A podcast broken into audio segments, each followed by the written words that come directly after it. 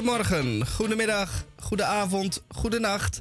En dat heeft alles te maken met daar, waar en wanneer u deze uitzending beluistert. Radio Dieprik, 34e jaargang, aflevering 1768 van vrijdag 25 augustus. Het is alweer de 236e dag van dit jaar.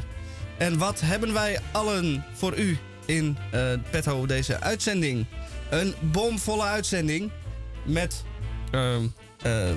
Tamon J. van Blokland en Rosa Klamer. Wij zitten hier weer met z'n drieën. Vorige week dacht u even, waarom zijn we niet met z'n drieën? Maar zoals wij verteld hadden, was Rosa kruiden aan het plukken in het bos. Oh, wat een goeie.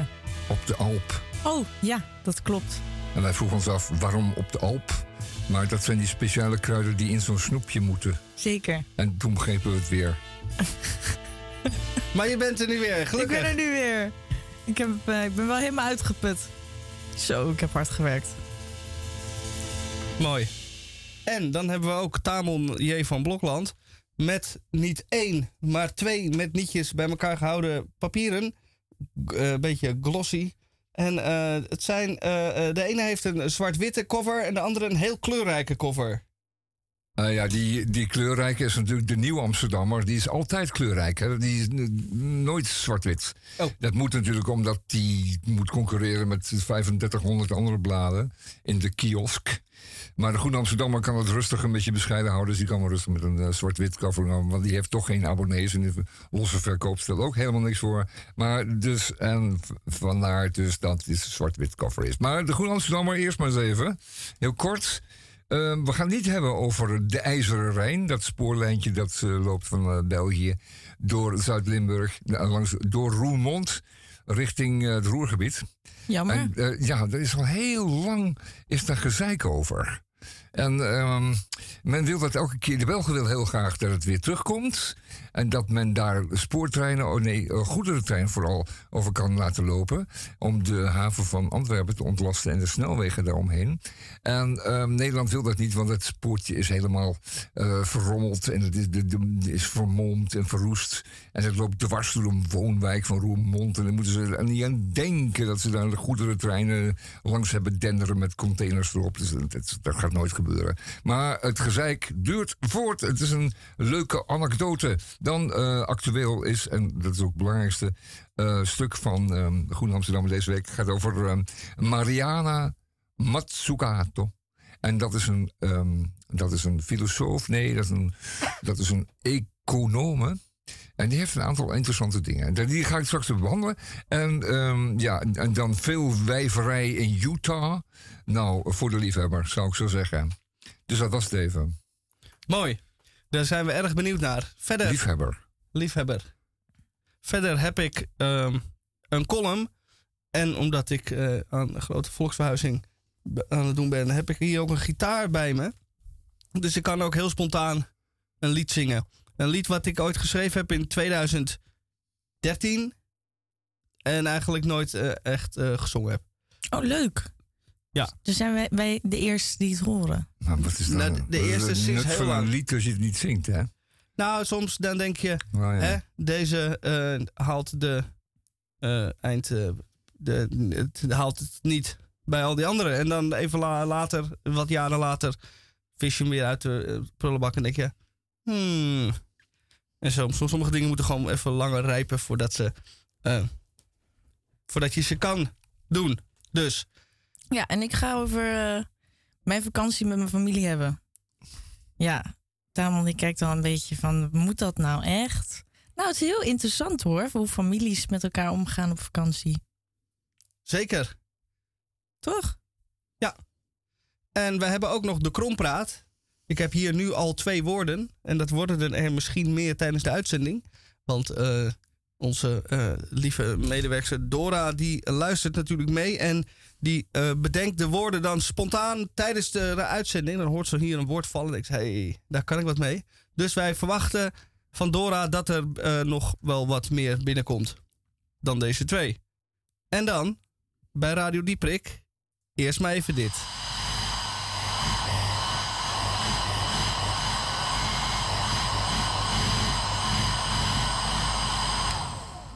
Zo, mijn haar zit goed.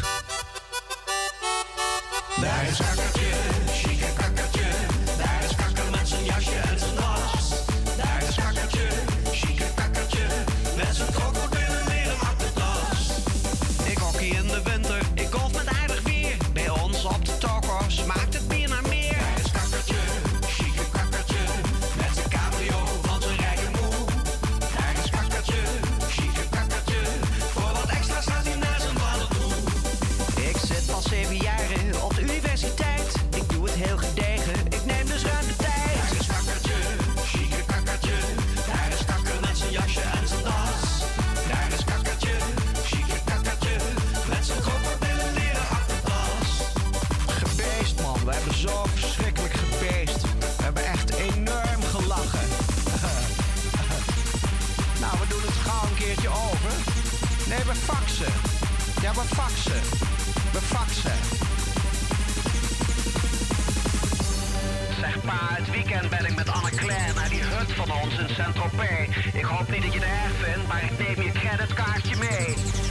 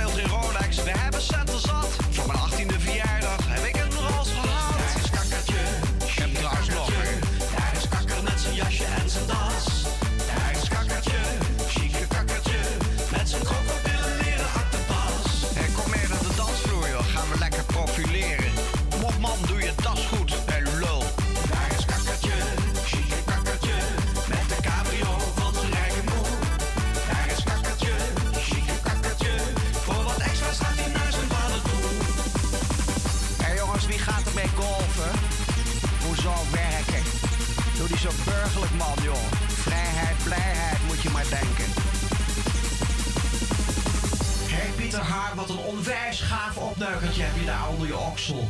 Oh shit, sorry Hendrik Willem.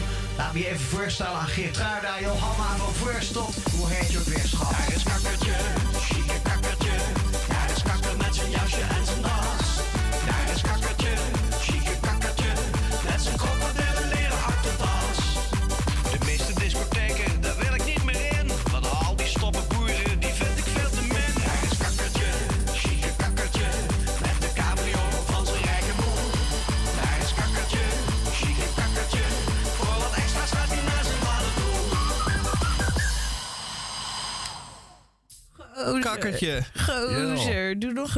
dan. Jij kan het ook wel. Ja, ik kan ja, het, ik, ja, ik heb er tussen, ze- tussen gezeten. Deze mensen, die ken ik. Ja, hockey tegen Laren. Hockey tegen Lara, hockey tegen Claire. Claire. Claire. Claire. Nee. Kon Claire Het een beetje erg hockey? is dat is, ik... eh, dat is deels eh, ben ik ook een dit is, kakker. eh, een heel belangrijk stuk van je opvoeding. Ontzettend. En er- ergens ben ik het toch wel, ook al verzet ik me er tegen. Ja. Er is een deel van me die is nog kakker. Ja, die is nog kakker. Want en ik heb gehockeyd. Ja. Ik heb echt, ik heb ook een jaar op het koor gezeten. kwart. Kwart. En eh, wat heb ik nog meer gedaan wat heel erg kakkerig is? Nou ja, de rest dan. Hè? En Gewoon in Hilversum wonen en eh, uit een bevoorrecht gezin komen. En, ja, eh, ja, we hadden ook een en- golden retriever. en- ja, Golden Retriever, daar Ja, ga je al. ja. met vakantie en op reis. Zeilen. Ja, dat, al het zeilen. zeilen. Al het zeilen dat jullie gedaan hebben. Ik En- heb laatst geleerd dat En dan het- van de zomer zo even nog even naar Zwitserland met vakantie en op reis. Bedoel, eh, Nou, deze hallo, keer, niet bakken, deze hè? keer hadden we wel een alternatieve plek gevonden. Oh, kijk eens waar aan. je eigen afwas moest doen. Kijk, je eigen afwas. Niet Ja. eens een vaatwasser. Nee, Ja. hij was wel een vaatwasser, maar je moest zeg maar Oh. meehelpen met alles. En schoonmaken en zo. Zo. Nee, we gaan dan niet naar een luxe hotel. Zo zijn mijn ouders ook weer niet. En, en je nagels, zijn die heel gebleven? Mijn nagels, daar, daar kijk ik niet naar. Hmm. Nee, maar ik ben dus niet echt een kakker. Dat zien jullie toch Nou, ook wel? Dat is dan weer een gebrek aan talent. Want als je dan eh, kakker kunt worden, moet je het doen natuurlijk. Nee, nee, er is niks aan. Oh. Er is niks aan. Het enige waar ze aan denken is aan... eh, nee, dat is niet iedereen trouwens. Nu zitten we... Nu zitten Het is, het goed te zo. Voordelen. Het is goed zo. Ja, het is goed met je. Het is heel goed zo. Heel erg goed. En eh, op deze manier zijn we eh, heel vrolijk het eh, eerste uur begonnen van Radio Dieprik. En Eh, dat was eens wel even nodig, want het is om en nabij kwart over twee. En dan bent u van ons gewend de sonore stem van Tamon J. van Blokland te horen. En die heeft ehm, deze week minder florissant nieuws. Ehm, nou ja, dat. Ja, minder florissant. Ehm, de, zaken zijn altijd onderhevig aan veranderingen. Dus de, Groene is natuurlijk wel een, een blad dat, dat noteert wat er allemaal eh, bezig is en wat we kunnen verwachten op de korte termijn. Het is de Elsevier niet. Die is gebaat bij het. Die is voor eh, kakkers. in- ja, precies. En die is gebaat bij het in stand houden van de zaken. Allemaal, Oh ja. eh, die heeft dan doel om iedereen te voorzien van een vrijstaand villaatje rietgedekt. En ehm, dat, dat doet de Groene per se niet. De Groene heeft een serie die heet Vroedkundigen van het Nieuwe. Nou, dat zegt het natuurlijk al. Dit is aflevering 10. En het onderwerp, het onderwerp of tenminste, het onderwerp, het gaat over Mariana Matsukato. En zij is ehm, econoom. Maar ehm, de, zij is een hele. Zij is een die werkelijk in veel opzichten afwijkt van het normale. Eh, van het normale verhaal van, eh, onder eh, economen. Dat wil zeggen dat men met modellen altijd ehm, de economie als het ware van commentaar voorziet. En dan wordt gevraagd aan die economen welke kant zal het opgaan. En zegt van nou, als, het, als die parameters ehm, zo zijn, dan zal het die kant op gaan. En die adviseren natuurlijk ook de politici enzovoort. Maar dat doen ze dan altijd volgens modellen die eigenlijk, volgens Mazzucato, al lang geleden achterhaald zijn. En zeker niet Keynesiaans. Dat zijn allemaal moderne, materialistische, kapitalistische instrumenten. die er voornamelijk op neerkomen dat eh, vooral investeerders, banken, aandeelhouders eh, er wel varen. En die gaan voorbij aan ongelijkheid, armoede en ehm, eh, achterstelling. Eh, Matsukato is, is een fenomeen, wordt zij genoemd. Zij heet een eh, heterodox econoom. Dat zegt u zegt niet zoveel. Wat, wat, wat is dat? Heterodox. Wat is dat? Ja, dat gaat uh, Misha ook even opzoeken. dat wist ik ook niet. Het is aan mijn weinig woord dat ik niet ken, maar heterodox, eh, dat is mij eh Ja, onbekend. Dora luistert hij ook mee. Ja, ik hoop het. Dan kan ze er even lekker los. Het zij ergert zich, Matsukato het ergert zich bijzonder aan het hele fenomeen adviseur. Ehm, adviseurs worden een op, eh, op, eh, op eh, grote wijze ingehuurd door overheden. En dat schijnt overal gebeurd te, zijn, eh, te gebeuren. Niet alleen in de Verenigde Staten, Nederland en de rest van de Europese Unie, maar ook over de rest van de wereld. Adviseurs van grote bureaus als McKinsey, Anderson en ehm, Deloitte. En die mensen die komen binnen, voorzien iedereen van advies, scheiden de hele boel onder en zijn er weer weg. En tegen de tijd dat alles geïmplementeerd moet worden, blijkt het niet te werken. Maar dan worden ze ingehuurd om de chaos die ontstaan is ook weer op te lossen. Althans, eh, adviezen te geven omtrent het oplossen van de chaos die zij hebben veroorzaakt. En dat kost miljarden. Miljarden, dat laat, eh, dat laat ze heel duidelijk zien. Ehm, het is een goudmijn, die consultancy. En je weet ook wel dat eh, deze mensen buitengewoon goed eh, betaald worden. En onze huidige minister van Buitenlandse Zaken is er één van. Noem maar even wat. Ehm, zij zegt, de ondertitel van dit boek... De infantilisering van de staat. Dat komt door de afwaardering van bureaucratische kennis... en de overwaardering van externe consultancykennis terwijl de beloftes van de consultancybranche nooit uitkomen. Dat is de grote zwendel uit het boek, uit de titel van het boek, de, ja, Big Con.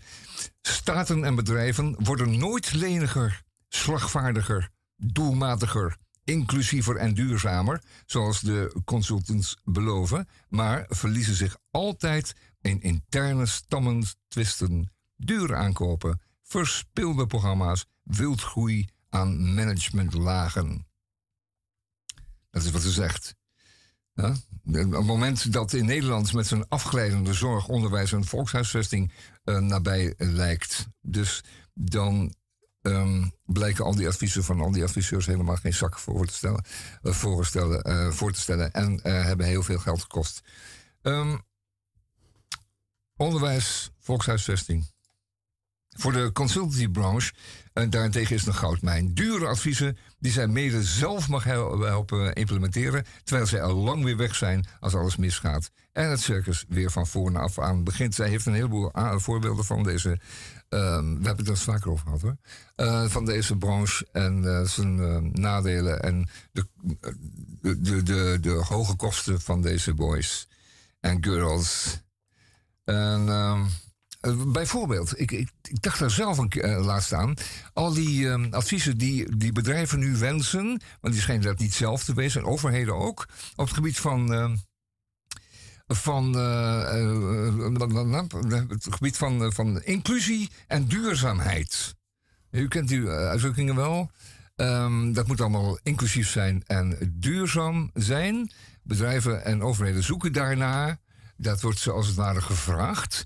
En omdat ze het zelf niet weten, door de infantilisering die zij eh, hebben meegemaakt, ehm, worden dus adviseurs ingehuurd. En die verdienen daar met hun adviezen weer ongelooflijk geld aan door een heleboel gebakken lucht te verkopen omtrent deze ehm, vraagtekens. En ehm, ja, leest u dat zelf in de Groene Amsterdam van deze week? Ik vraag me altijd af of die mensen daar gelukkig van worden. Nou, daar worden ze zeker gelukkig van, want de salarissen zijn navenant. En als jij niet met de, met, de- met de consequenties wordt geconfronteerd van je adviezen, en je op tijd weer weg bent, omdat die, die projecten natuurlijk allemaal eindig zijn en tijdelijk zijn, dan kun je daar heel gelukkig mee zijn, want iedereen hangt aan je lippen. En iedereen vraagt van, eh, kunt u nog eens een presentatie geven voor onze eh, hogere ambtenaren en eh, ons eens laten zien hoe we dit moeten aanpakken tegen de tijd dat zij dat gaan doen, die ambtenaren dan ben jij al weg hoor. Echt. Als zij er een puinhoop van maken, of als die adviezen verkeerd begrepen worden, of als die adviezen niets voorstellen, ben jij al weg. En werk je alweer aan een project van, ehm, in opdracht van de Shell eh, in, eh, weet ik veel, Nigeria of whatever. En ehm, heb je daar helemaal geen last van. Of die gelukkig zijn daarin, dat weet ik wel zeker dat ze dat zijn. Komt bij dat het natuurlijk altijd eh, voordelig is op je cv. Want het enige wat zij dus over, waar zij dus over nadenken hoe ziet het eruit op mijn cv. The Big Con heet het boek. De grote zwendel. De sluipende erosie van het handelingsvermogen van de staat door de eindeloze herhaling van de neoliberale privatiseringsliturgie aan de ene kant en de verleidingen van het zoete gemispel van slimme verkopers van universele oplossingen aan de andere kant.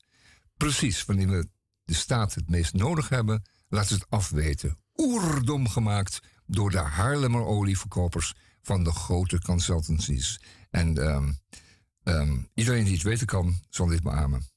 Zij komen, zij maken, zij maken hele managementlagen uit van gemeenten bijvoorbeeld. In, in Amsterdam worden er voor tientallen miljoenen van deze mensen ingehuurd, elk jaar weer opnieuw. Om allerlei, om allerlei ehm, laten we zeggen, te begeleiden, vormen op zichzelf een hele managementlaag. Want waardoor er wordt van boven tegenaan gekeken, maar ook van onder. En niemand durft zich aan die adviezen te onttrekken, want die zijn peperduur. En eh, waarom zou je dat doen? Als je er zoveel geld voor betaalt, moet het ook wel wat waard zijn. Zij is uiterst tegen het fenomeen eh, consultancy en adviseursbureaus. Om te zeggen, deze kennis hoort bij die overheid zelf te zijn. Die hoort daar, die hoort daar aanwezig te zijn. Die hoort niet te hoeven worden ingehuurd. Ja? En ehm, zij heeft een aardig voorbeeld in, de- tijden van de, van de Brexit. Nee, van, die, van de Brexit, van de COVID eh, in Engeland. ehm, was de NHS, het Nationale Gezondheidsnetwerk, zeer goed in staat ehm, om, om eh, de, de vaccinatieprogramma's uit te voeren. En dat deden ze door het publieke huisartsennetwerk, wat dus onder die NHS hangt. En zij wisten wat ze moesten doen, beschikten over de nodige expertise en middelen. En zorgden derhalve voor een van de soepelste vaccinatieprogramma's ter wereld. Maar het testen- en traceren-programma van de Britse overheid, dat was een, een, een onderdeel van die hele COVID-campagne, zoals jullie allemaal nog weten. Ehm, dat werd voor een bedrag van 1 miljoen pond per dag uitbesteed aan Deloitte. Deloitte. En dat werd een ramp. Een regelrechte clustervak worden die genoemd. Zo zie je wat de moraal is van dit verhaal. Ik stop ermee. Lees u dat eh, vooral zelf. In de Groene Amsterdam van deze week. Koopt hem in de kiosk. Wellicht kunt u nog ehm, ja, een eh, abonnement nemen. Waarom zeg je de kiosk? Kiosk. Ja, de kiosk, omdat die niet meer bestaat. De kiosk. De kiosk was een gebouwtje dat om, op een, pub, op staat, publieke staat, ruimte eh, stond. die staat vaak op een eh, pleintje. op het treinstation. Ja, dan heet het een Ja. boekhandel of zo. Nee, dan heet hij ook kiosk. Heet Ja, die je- ook kiosk? Ja, die heet ook kiosk. Op een perrons heb je winkeltjes eh, waar je van alles kan kopen. Die heet kiosk. Oh, Maar jij bedoelt natuurlijk dingen die op straat... ja, met een heleboel buitenlandse kranten en zo. op aan, straat. aan, aan knijpers en zo. Ja, nee, die zijn Fuji. Ja, die zijn voedsel, dat bedoel ik, ja. Dus dat was een beetje ironisch bedoeld. Ah. Maar ze bestaan dus nog.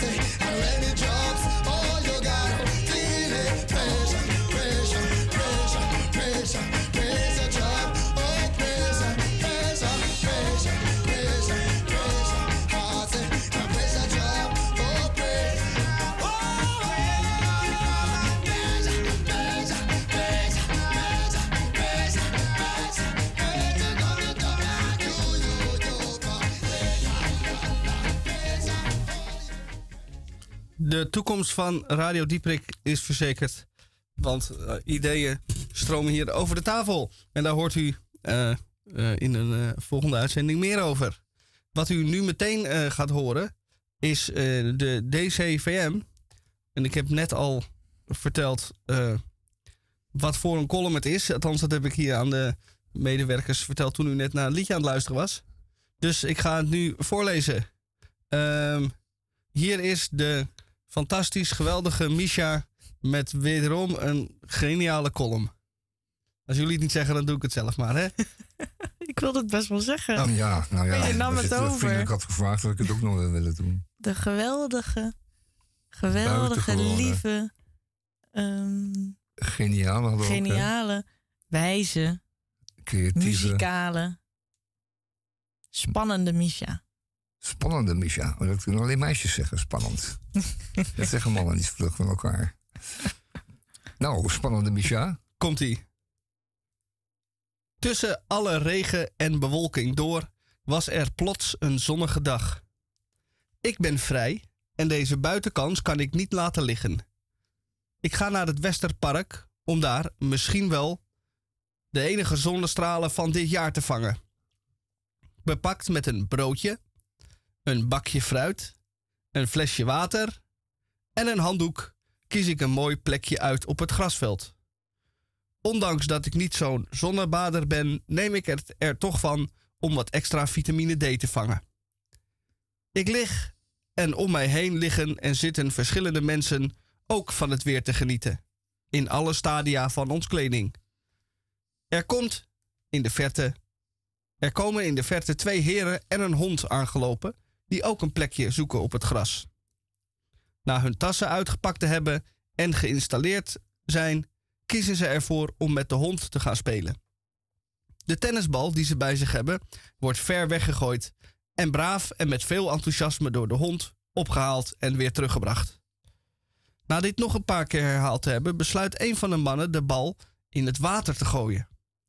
De hond rent vol overgave achter de bal aan, maar vlak voor het water stopt hij. Tja, de bal ligt in het water, maar erin springen durft hij niet. Hij wil wel, maar hij durft niet.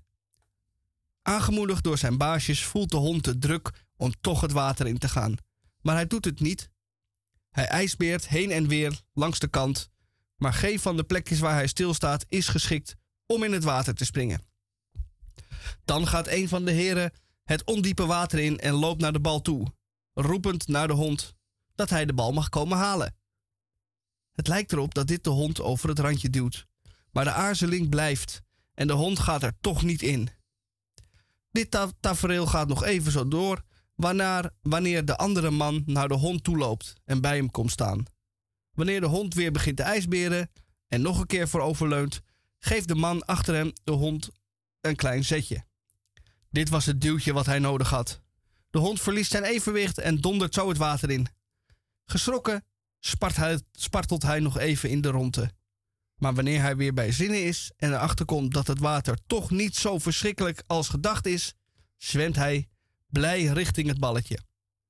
Hij brengt deze terug naar het baasje aan de kant en de hond klimt er zelf ook weer uit. Als de man het balletje dan weer terug het water ingooit, bedenkt de hond zich geen moment. Hij neemt een grote aanloop en springt met een prachtige sprong het water in. Dolblij spelen de drie lange tijd nog gezellig in het water. Als de heren besluiten terug naar de handdoek te gaan, blijft de hond nog vrolijk rondjes zwemmen in het water.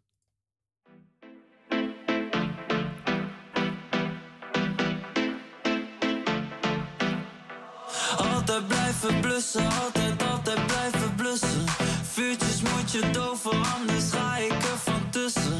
Altijd blijven blussen, altijd, altijd blijven blussen. Hou het in beweging, want we moeten blijven plussen.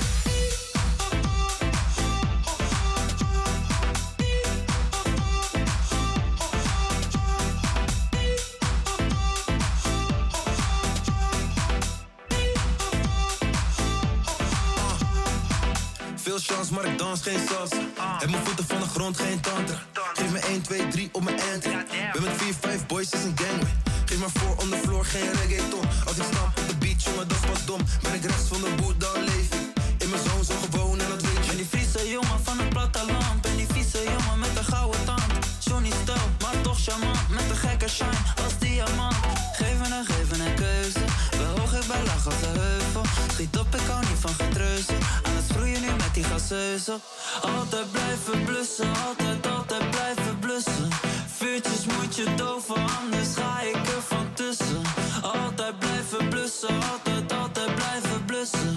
Hou het in beweging, want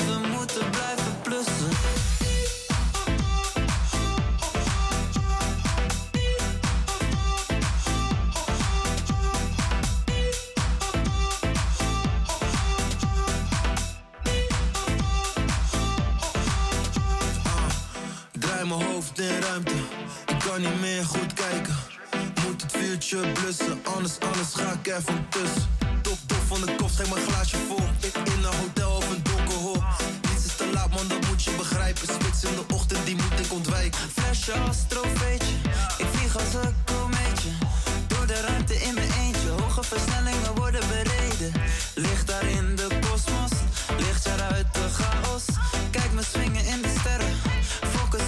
de bende. Altijd blijven blussen, altijd, altijd blijven blussen. Vuurtjes moet je doven, anders ga ik er van tussen. Altijd blijven blussen, altijd, altijd blijven blussen. Hou het in beweging, want we moeten blijven blussen. Altijd blijven blussen, altijd, altijd blijven blussen. Vuurtjes moet je doven, anders ga ik er van tussen. Altijd blijven blussen, altijd, altijd blijven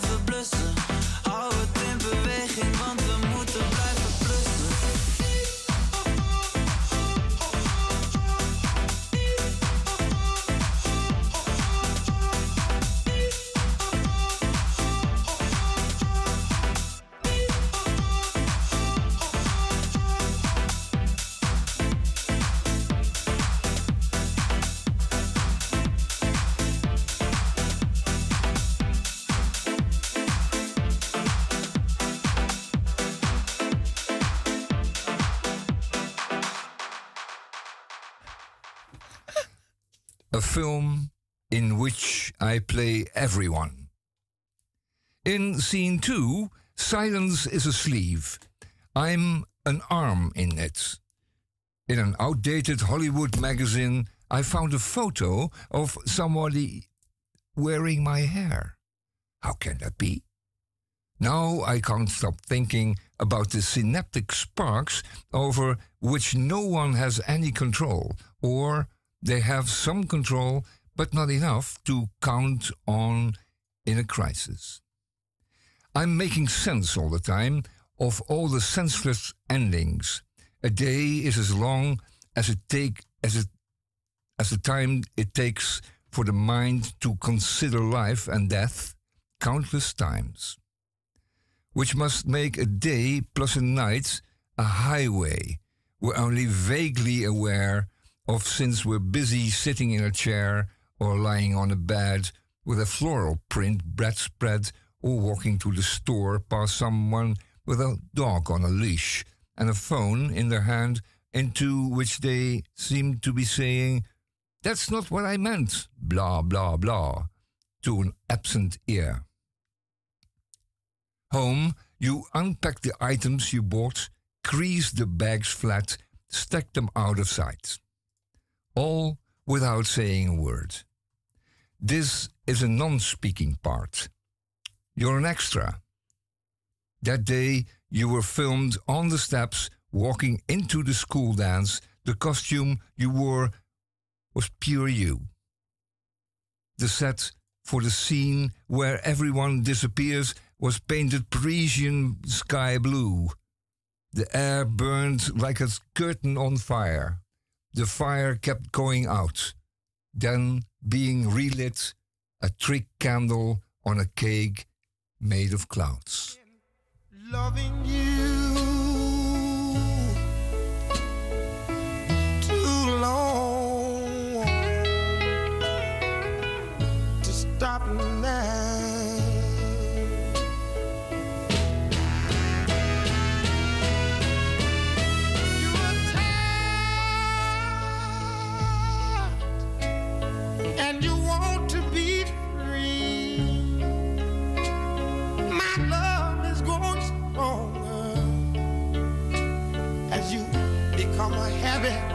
to me.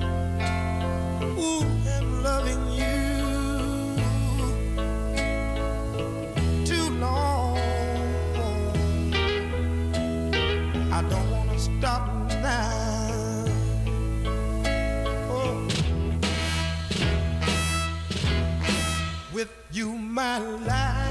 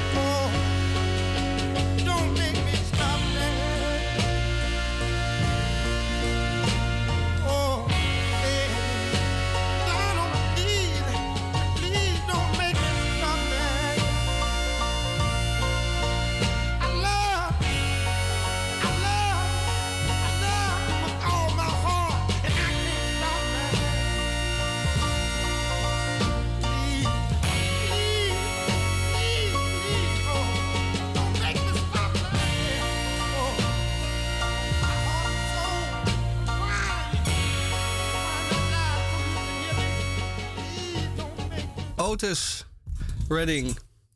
En we zijn hier weer gezellig met z'n drieën. Want een van ons drie was even eh, een weekje weg. En dan zijn we... Ja, voordat ik, voordat ik naar de Alpen ging. Om eh, tuinkruiden te, te plukken. Wat hadden jullie ook weer verzonnen? Tuinkruiden.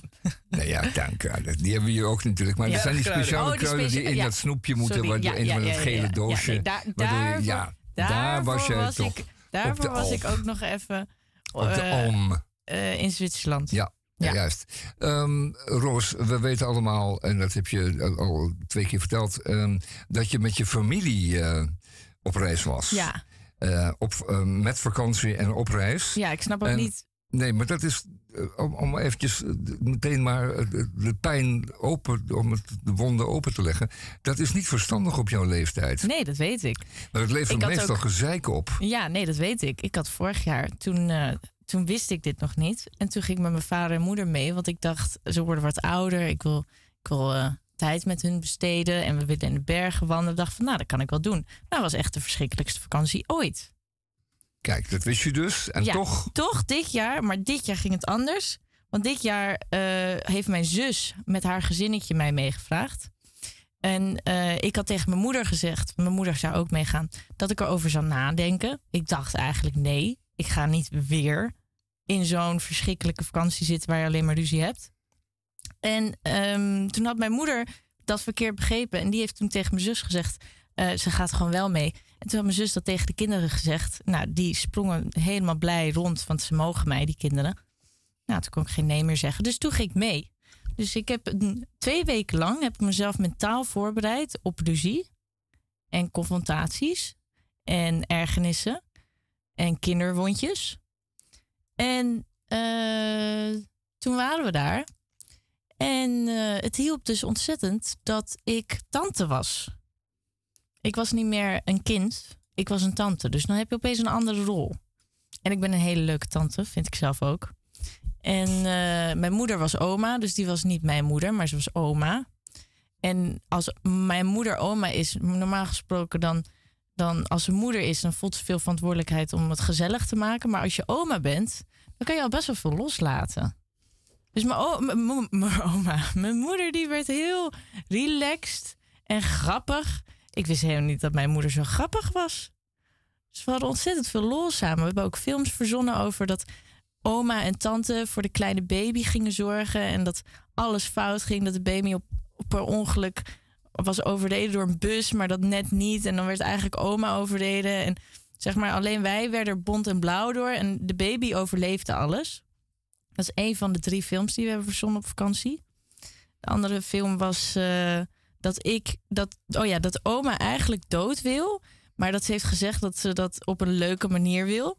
Dus probeer ik in die film haar op allemaal andere interessante, gekke manieren haar dood te krijgen. Zoals eentje in, in het liftje. Dat ze zo blijft hangen tussen de deuren. En dat ik eruit probeer te doen, maar dat werkt niet. Ehm, dat, soort, dat soort films. Nou, daar hebben we heel erg hard om moeten lachen. Oh. Ja, het klinkt misschien een beetje, eh, maar we hadden een beetje, we hadden een beetje gemene humor nodig, want die kinderen zijn zo braaf. ja, ja, ja, Die kinderen zijn zo lief. Oh, mijn Ach. nichtje die moest huilen omdat ze per ongeluk te veel eh, gouden steentjes bij een excursie had gepakt. Ze mocht er maar twee pakken en ze had er echt dertig gepakt. En ze moest zo hard huilen. Maar het waren niet echte gouden steentjes. Het was gewoon nep. Maar dan als kind, dat kan ik me nog herinneren, dat je dan zo schuldig voelt om zoiets nietigs. En dan hoe ouder je wordt, hoe, hoe erger, hoe vaker je eigenlijk ook gewoon bewust dingen fout doet. Ja, nee, Nou. het was uiteindelijk een hele mooie vakantie. Ik heb ook heel veel geleerd. Mijn zus, mijn zus heeft bijvoorbeeld mij heel erg geleerd om confrontatie aan te gaan. Ik dacht, ik ga niet te veel eh, zeggen tegen haar dat ik haar irritant vind, wat ik wel vond. Want ze heeft al eh, te veel aan haar hoofd met al die kin- kinderen. En toen zei eh, mijn zus van ja, ik merk, ik merk dat er iets is, Rosa. Vertel. Ze van ja, maar je, je bent druk in je hoofd. Zo nee, ik wil gezellig hebben met mijn zus. Vertel. Ik eh, luister. Toen zei ik, nou, ik vind je eigenlijk soms een beetje gemeen hoe je doet. Toen zei ze, nou, goed dat je het zegt. Ik zal op letten. En toen was het gewoon opgelost. Nou, dat is toch gek? Dat is toch een bijzondere familievakantie? Normaal gesproken worden er altijd met stoelen gegooid. Oh, zo'n gezin. Zo'n familie. Ja, oké. Nou, misschien Ja, is één keer gebeurd. Ja, ja, goed. Eén keer gebeurt. Eén keer te veel. en servies breekt ook. Ja, En ook wel eens. Er zijn ook momenten dat er hele avonden niets wordt gezegd. Nee, dat niet. Er wordt altijd heel Oh. veel gezegd. Oh. Dat is dan ook wel leuk. Ja. Ja, liever, liever misschien soms een beetje toch- wrijving dan helemaal niks. Ja, want het Dat blijkt toch wel dat jullie in staat zijn om het op te lossen. En eh, Ontzettend. Een ja, maar nieuwe mijn zus, heeft me dit ook, mijn zus heeft dit wel heel goed gedaan hoor. Ja. Nou, dat vind Dus ik dat van- heb ik van nou, haar Ik vind het van al jullie allemaal, eh, van jullie allemaal goed. Ja, weet je wat? Alle, alle deelnemers een eh, compliment. Ja, weet je hoe dat komt? Mijn vader die had altijd een tactiek. Als eh, mijn broer, broers en ik, mijn broers en zussen ruzie hadden, dan zei hij: we gaan de shaker meeting toepassen. En dan moet iedereen per persoon zeggen hoe diegene zich voelt, zonder dat je iemand anders de schuld geeft daarvan. Dat je gewoon alleen zegt: wat voel je? En eh, als iedereen dat had gezegd, dan begreep, begreep je elkaar opeens. En dan word je minder boos. En er is opeens ruimte voor compassie. En dan eh, was het eigenlijk altijd opgelost. Bijzonder. Hoe heet dat? Een shaker meeting? Shaker meeting. Dat, werd- dat werd gebruikt in van die eh, culturen. ja, hoe noem je die? Oh, die, die geen, ehm, geen elektriciteit en zo gebruiken. Hoe heet dat ook weer? Ja, Amish. eh, Amish, ja. Ik geloof dat het in, in dat soort culturen werd gebruikt. Oké. Ik weet niet 100% zeker. Goed. Maar misschien kan je dat even opzoeken, net zoals dat woord wat we net niet wisten. Ja, de, eh, die heb ik al gevonden. De, Oh ja. de heterodoxie. Een heterodoxie is een, eh, het wordt ook wel een dwaalleer genoemd. Is een leer die afwijkt van de officiële orthodoxe leer. En eh, een leer kan dus per definitie alleen door een orthodoxe tegenstander bestempeld worden als een eh, heterodoxie. Goed. Dus als je. Ja, Dat, dat kunnen we dan mooi gebruiken de volgende keer. Doen we net of het, eh, of, of het voor ons gewoon een, een tool, een, een, een handig woord is, wat we vaker gebruiken. Heterodoxie. Ja, dat, dat levert gewoon weer. Het levert gewoon een beetje status aan ons radioprogramma. Ja, we ook. moeten echt wel duurdere woorden Ja, gebruiken. want- Alleen maar Jip en Janneke zeker nu woorden we zeker weten wel- dat er geluisterd wordt, moeten we echt daar moeten we een beetje aan werken. Wel, eh, ik vond het een mooi verhaal. Eh, dankjewel, Roos. Ja, want je En- keek een fijn. beetje verveeld uit je nee, ogen. ik keek helemaal niet verveeld. Ik was echt heel bijzonder. Ik vond het heel bijzonder dat je een filmprogramma en een eh familiedrama in één weet te, te breien.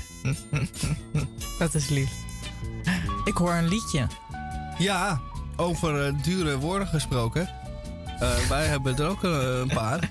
Zo duur, want we voegen de een met de ander om de prijs nog verder op te drijven. Eh, ik heb er vier. Zal ik ze alle vier gewoon opnoemen en dan kunnen jullie eh, eh, even denken wat jullie willen? Ja, en dan mag Roos de eerste keus. Oké. Dat is lief. Eh, de vier woorden zijn kunstwerkweigering, eh, bioscoopkracht, levenslustobject en Oputin. Oputin. Oputin. Oputin. Wacht even. Wacht even. Nog een keer. Kunstwerkweigering, eh, bioscoopkracht, levenslustobject en Oputin. Ja, ik heb wel weer eventjes nodig hoor. Oké. Maar ik denk dat ik voor kunstwerkweigering ga. Oké. Waarom lach je dan? Lach je dan? Nou, ik ben benieuwd. eh, heel, heel erg benieuwd. Dus eh, doe het maar meteen, Roos dan. Nee, nee, Ja, ik heb wel, even tijd beter. nodig. Gewoon spontaan. Nee. Gooi het eruit. Nee, nee, nee, nee. Ga Zal jij- ik anders eerst... eh, Ja. Dan doe ik bioscoopkracht. Eh, en eh, koopkracht, dat is eh, hoeveel je met je euro kan doen. Je kan wel een miljoen euro hebben, maar als een half brood 2 miljoen euro kost, heb je nog niks. Ehm, en de bioscoopkracht. eh, je hebt natuurlijk de kracht eh, van eh, een film kijken in de bioscoop ten opzichte van ehm, thuis eh, op de bank. En daar heb ik de laatste, de laatste tijd ook weer meegemaakt. Dat je in de bioscoop toch een andere ervaring hebt. En dan stijgt je eh, eh, koopkracht, of althans je bioscoopkracht. Want daardoor eh, eh, het helpt ontspannen, maar het helpt ook eh, inspireren. En het helpt eh, verwonderen. En dat zijn allemaal dingen die dus bij het bioscoopbezoek daar dan nog weer eh, bij krijgt. eigenlijk. Waardoor je inspiratie en zo eh, stijgt. Dus de bioscoopkracht. eh, het, het is veel meer dan alleen maar twee uur of drie uur naar een film kijken. Je hebt er eh, de rest van de week ook nog wat aan. En daardoor stijgt je koopkracht. Eh, bioscoopkracht. Ja. Wat vind jij, Roos? Ja, ik ben nog steeds aan het nadenken. Oh, oké. Ja, maar ik vond deze goed. Ja. Ik vond deze goed. Dus de koopkracht van een, een bioscoopkaartje is dan groter dan die 12 euro die dat kost. Ehm, eh, Juist. Hè? Niet waar? Je hebt, er, je, je hebt waar voor je geld. Ja, heb jij al en een, dat zegt eh, er iets over. over eh, Heb jij al een woord eh, bedacht? Ja, ik neig er toch aan toe om, om toch maar weer. ehm, Je grote vriend. Ja, onze grote vriend maar te, te, te behandelen. Want het is deze week natuurlijk het eh, nieuws van de week geweest. En ehm, hoe absurd en hoe mm, tragisch en hoe gruwelijk het ook allemaal is. Ehm, het is natuurlijk wel de, de, de waarheid van alle dag. En van een, eh, een grote groep criminelen die eh, op de aarde ons eh, terroriseren. Die, ehm, die, zich, die samenspannen om het eh, voor zichzelf eh, te maken en totaal onverschillig zijn over wat zij allemaal veroorzaken. Ehm, de criminelen zijn op dit moment elkaar aan het uitmoorden en dat is natuurlijk van afstand gezien altijd aardig. Ehm, we hebben in Nederland, in Nederland ook veel liquidaties gehad van criminelen onderling. En dan willen de mensen nog wel eens zeggen: ehm, mooi dat ze elkaar uitmoorden, hoeven wij, dat niet, hoeven wij ze niet op te sluiten. Maar dat is natuurlijk helemaal niet waar, want eh, daar is de veiligheid en de hele sfeer zeker niet bij gediend. Uh, moet dat zeker nooit bewonderen. Ehm, maar we zien het wel gebeuren. Ehm, de meest huigelachtige, leugenachtige, hypocriete, laten we zeggen, gevoel, en, mensen, eh, menselijke uitingen zijn hier eh, eh, getoond de afgelopen dagen. En ehm, we zien dat hele kleine Poetin-mannetje als een, eh, als een vogel, een beetje een vogeltje achter het bureau zit en alles ontkennen. Maar iedereen, de hele wereld, werkelijk niemand uitgezonderd, weet dat hij daar hoogstpersoonlijk toe opdracht heeft gegeven tot deze moorden. En ehm, nou is een andere gedachte nog eventjes van, eh, er waren eh, drie piloten aan boord van het neergeschoten vliegtuig. En dan denk ik altijd, dat helpt dan ook niet. Hè, dan is eh, vijf piloten waarschijnlijk ook niet genoeg. En eh, wat is dan wel genoeg? Ehm, maar heeft hem, dat, de vliegtuig met zijn concurrent in het kwaad laten neerschieten boven zijn, zijn buitenverblijf, boven zijn Dacia. Vraag je af, is dat dezelfde Dacia van toen? Van, ehm, nou ja, dat hopen we dan maar niet. Maar goed, eh, vanuit zijn wc-raampje heeft hij kunnen zien dat het raak was. En dat zijn eh, voorlopige criminele opponent eh, ehm, zijn dood tegemoet ging. Het moet toch ook wel plezier geven op dat niveau. Ehm, dit voor zover ehm, de heer Poetin. Ik zal er verder maar geen woorden aan vuil maken. Oh, Poetin. Mooi. Ja, En dan Ja, ik, ja, ik ben klaar. blijft er nog één over. Ja. Roos. Nou, eh, kunstwerkweigering. Denk natuurlijk aan werkweigering. Maar bij kunstwerkweigering is het een beetje andersom. Namelijk dat de werknemer eh, of de werkgever.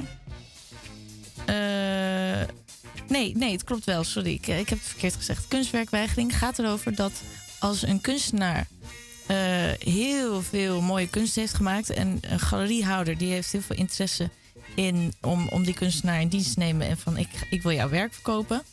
Dan heeft deze kunstenaar bijvoorbeeld een opblaas eh, eh, hondje, weet je wel, gemaakt van Jeff Koons of zo. Eh, en, en dan zegt die kunstgalerihouder van ja, eigenlijk wil ik eh, wat meer kunst die eh, wat sexier is. Een soort opblaas lul of zo, weet je wel. En dat de kunstenaar denkt van ja, ik krijg er heel veel geld voor.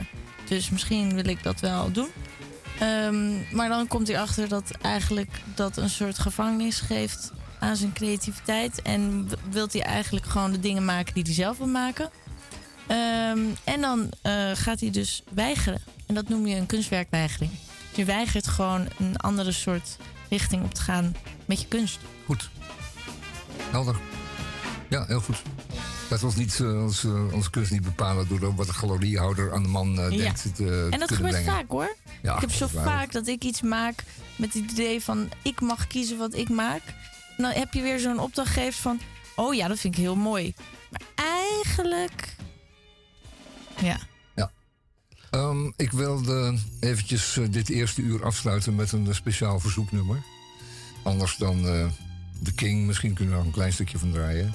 Maar speciaal voor, ehm, voor de kleine hypocriet in het eh, Kremlin wilde ik draaien van de Moby Grape. En Moby Grape was een groep uit 1969, kort bestaan, een jaartje maar. En die hebben een paar prachtige nummers gemaakt. En dit is er één van. En eh, het is een eh, observatie, een filosofie, een, een gedachte over wat een mens nu is. En, en een mens zonder liefde, zegt de Moby Grape, dat is een hele koude, bittere wind. En zo heet het nummer ook. Bitter Wind.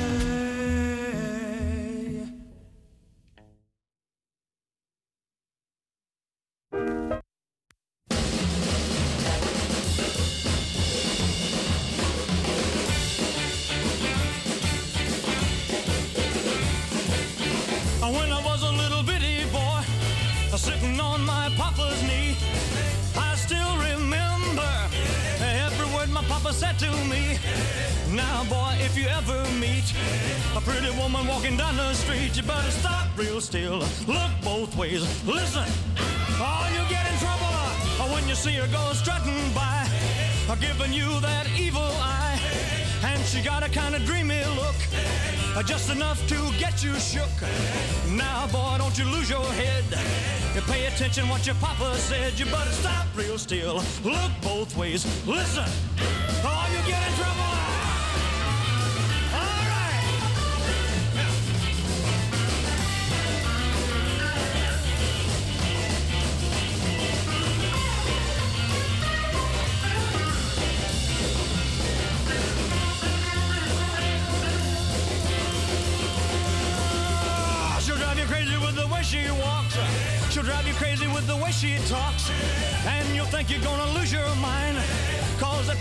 woman looks so fine.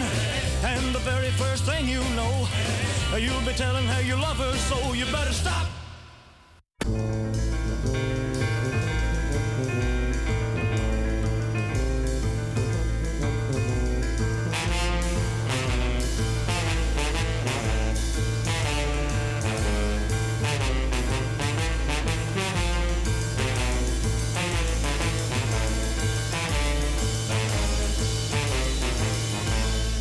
Goedemorgen, goedemiddag, goedenavond, goedenacht.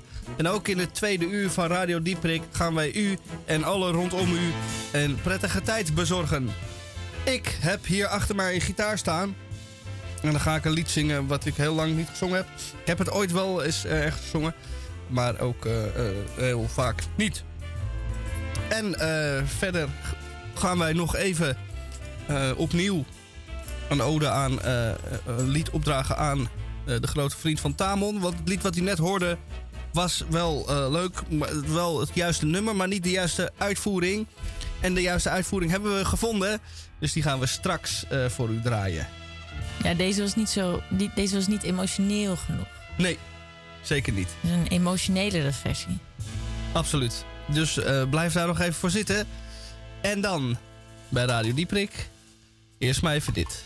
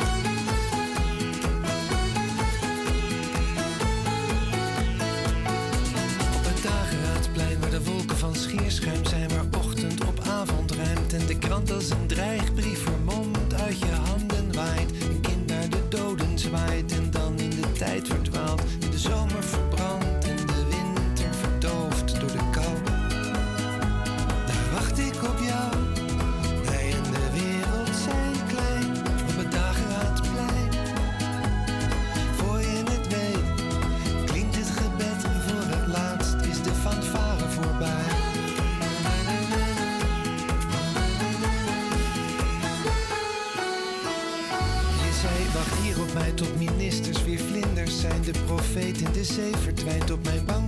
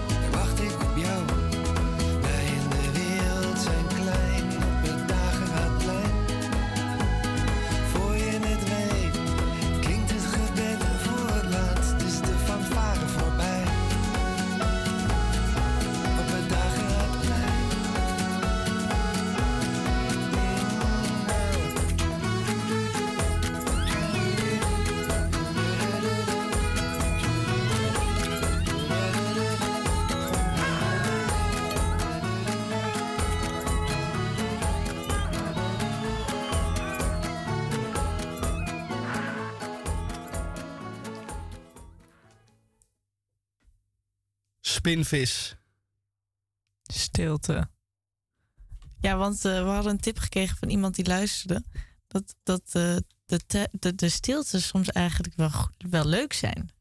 Ja, die worden als eh, hilarisch gezien. Dus ja. Omdat het misschien ook tegen de wetten van de radio ingaat. Je moet altijd geluid hebben. En dat doen wij dan niet. Ja.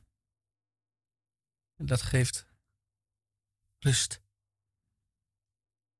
Ja. Zeker. Hoe lang kunnen we stil zijn, denk je? Ehm, er is een mechanisme die hier in de studio in werking treedt op de, eh, bij de afdeling techniek. En die eh, computer die eh, monitort de uitzending. En als wij langer dan volgens mij 12 of 14 seconden stil zijn, als er niks gebeurt, dan schiet hij automatisch naar eh, algemene muziek. Zullen we dan om het spannend te houden 11 seconden, nee, 13 seconden gewoon volle stilte? En dan eh, met als groot gevaar dat de uitzending over de 13 seconden Ja, afgelopen dat is de spanning. Dat is de spanning. Dat is de spanning. Moeten we wel een beetje on edge leven hier. Dat is waar.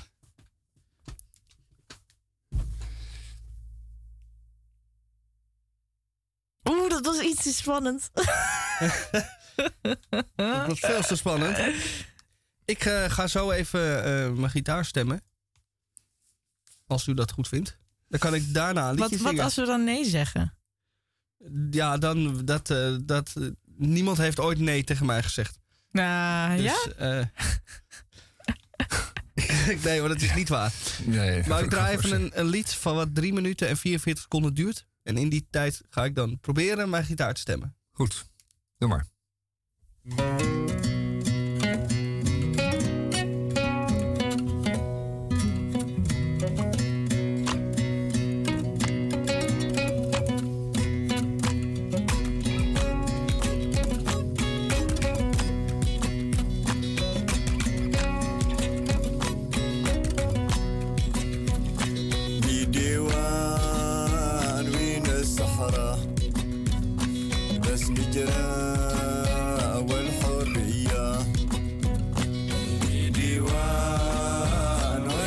الصحراء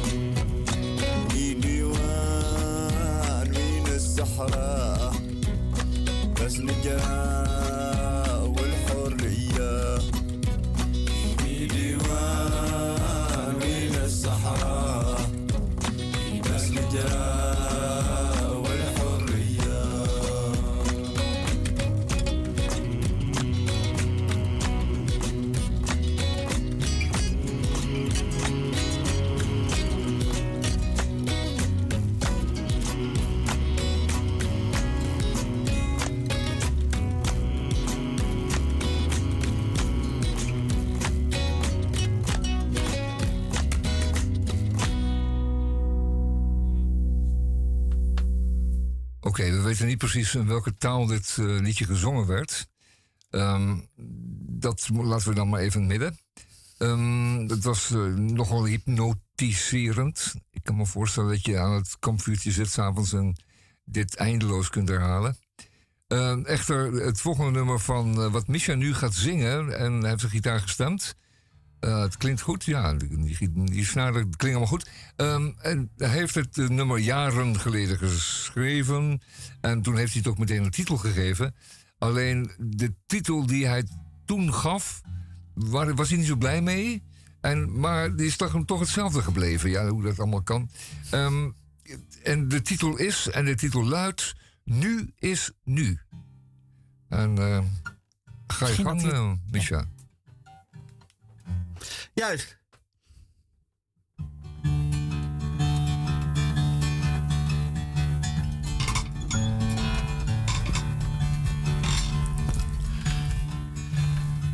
Ik zie als ik in jouw ogen kijk dat jij net als ik ook waarschijnlijk vrolijk bent en ook een beetje blij.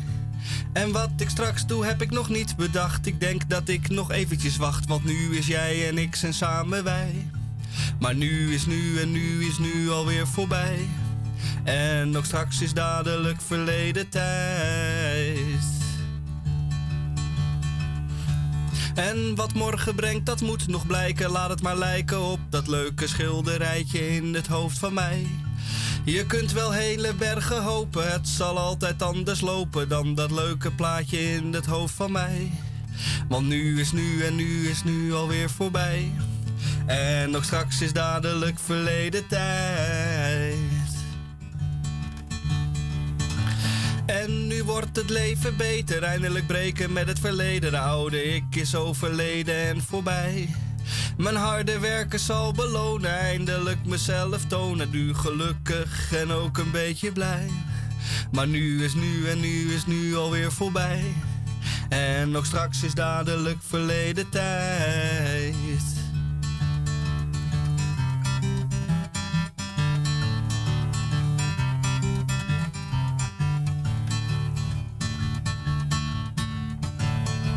En straks dan is het afgelopen, ben ik oud en uitgelopen. Straks is het allemaal voorbij.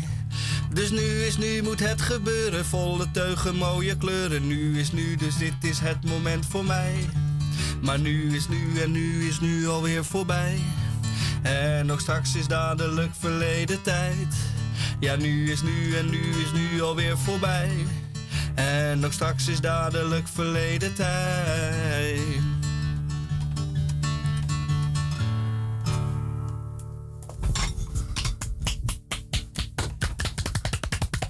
Ja, die vond ik Ja, leuk. nou, die... eh, Ik was helemaal aan het het is genieten. goed dat je die bewaard hebt, zeg. Ja. Het beste is Ja, van- ja. en de- de- Waarom blijkbaar- gooi je deze weg? Ja, blijkbaar. Weet ik niet. Ik vond sommige tekststukjes van de tekst niet zo interessant. En het was ook... eh, toen zong ik heel veel vrolijke, grappige liedjes. En ik dacht, dat is de, de- het pad wat ik moet volgen. Oh, En dit is te serieus of zo. Dingen, ja. Ja, Ja. ja, ja. En, een beetje te sentimenteel misschien ook toen. Ja. Ja, nou, dat vinden Maar we niet. En, nee, eh, vind- ik vind het juist, eh, het het pakte Ja. mijn hart. Ja. Dat is het viel hier ook eh, in goede aarde. Ja. Dat is leuk. En ook, dat het je thuis- benoemde dingen waar je soms niet dan meteen aan denkt. Ja, dat vinden we ook goed. Ja, dit, wat, wat ik bijvoorbeeld wel eens meegemaakt heb dan met liedjes zoals dit. Dat als ik dan eerst twee grappige liedjes eh, zing en dan dit, of iets als dit, dat het publiek dan op een stoel gaat zitten, op zoek gaat naar een grapje. Dat je Ja. dan op hele ongemakkelijke momenten dan eh, eh, eh, gaat proberen te lachen en denkt van, nou, dit zal allemaal een, een grap zijn of zo. Oh, oké. Omdat, je meestal wel een soort twist in je liedjes brengt. En die is Ja. dan om te lachen. Ja, dan en, zitten ze en te die ontbreekt een beetje. Omdat En dan, deze te en dan soms dan gaan Oh, ze ja. ook lachen, terwijl eigenlijk is het dan niet grappig bedoeld. Nee, ja, die precies. ken ik wel. Dat doe ik zelf ook heel vaak trouwens.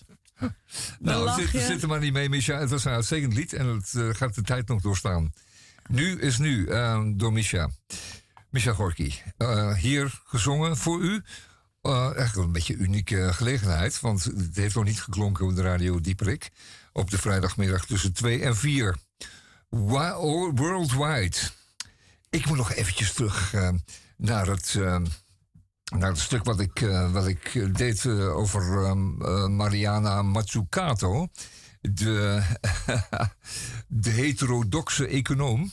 We weten nu wat heterodox is, godzijdank. En ze zegt hier iets wat ik eh, u toch niet eh, wil onthouden.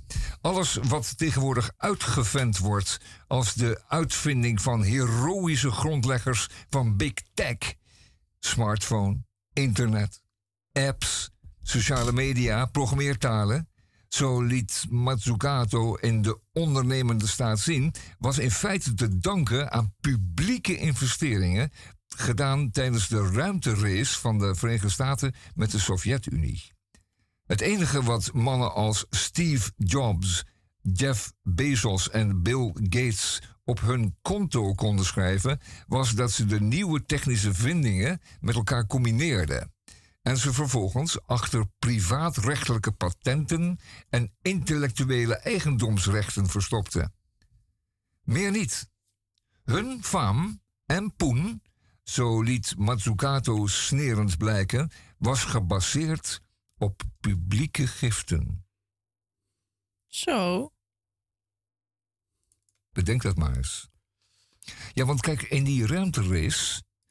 En ik zag gisteren weer een aardig stukje daarover op, eh, eh, op, eh, op de Franse televisie.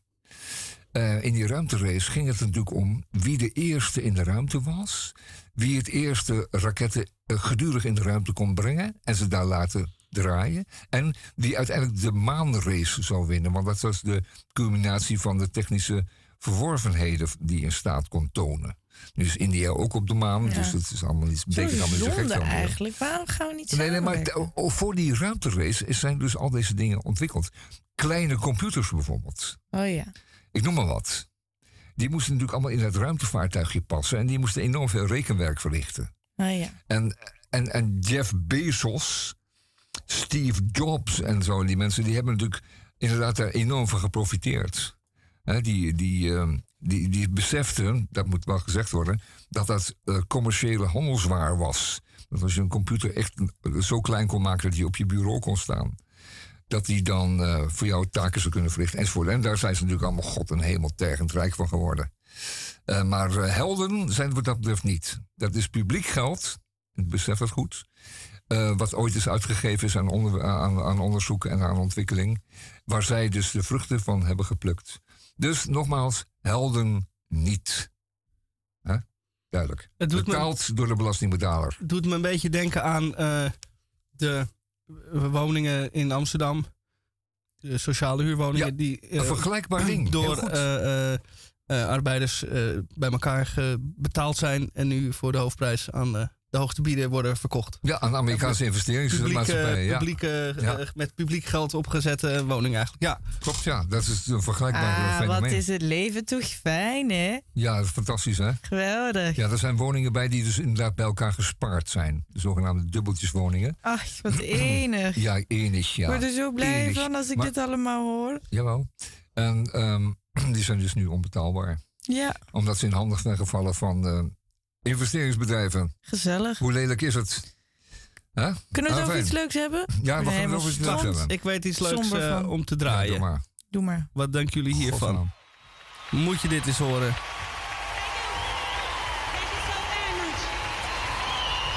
Dames en heren, en nu gaat u allemaal zitten. Allemaal zitten, anders gaat de show niet door. U gaat nu allemaal zitten. Anders, u gaat nu zitten. Oké? Nu gaat u zitten en u staat niet meer op. Ik heb het vriendelijk gevraagd, het kan niet. U gaat nu zitten, anders gaan we niet door. Oké, het is dus aan u. Ladies and gentlemen, here she is again, Miss Rita Franklin.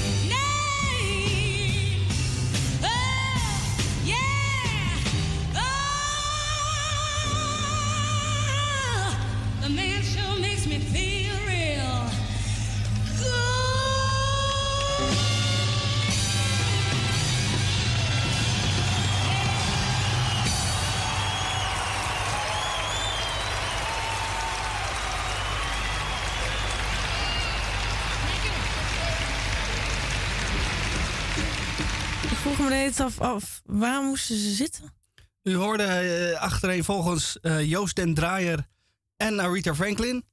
En eh, dit is een concert in 1968 uit het concertgebouw. En daar moest iedereen zitten. Oh ja, want dan kunnen de achterste natuurlijk niet zien. Ja, als je, er zijn beelden van. Het is wel interessant dat dit toen de tijd opgenomen is. Helemaal met beeld en geluid. En ehm, daar is vervolgens met die beelden niks gedaan. Die hebben, ze hebben alles gefilmd en het toen in een archief eh, gelegd. En eigenlijk eh, uh, 15 jaar geleden heeft iemand dat weer eruit gehaald en gemonteerd en zo.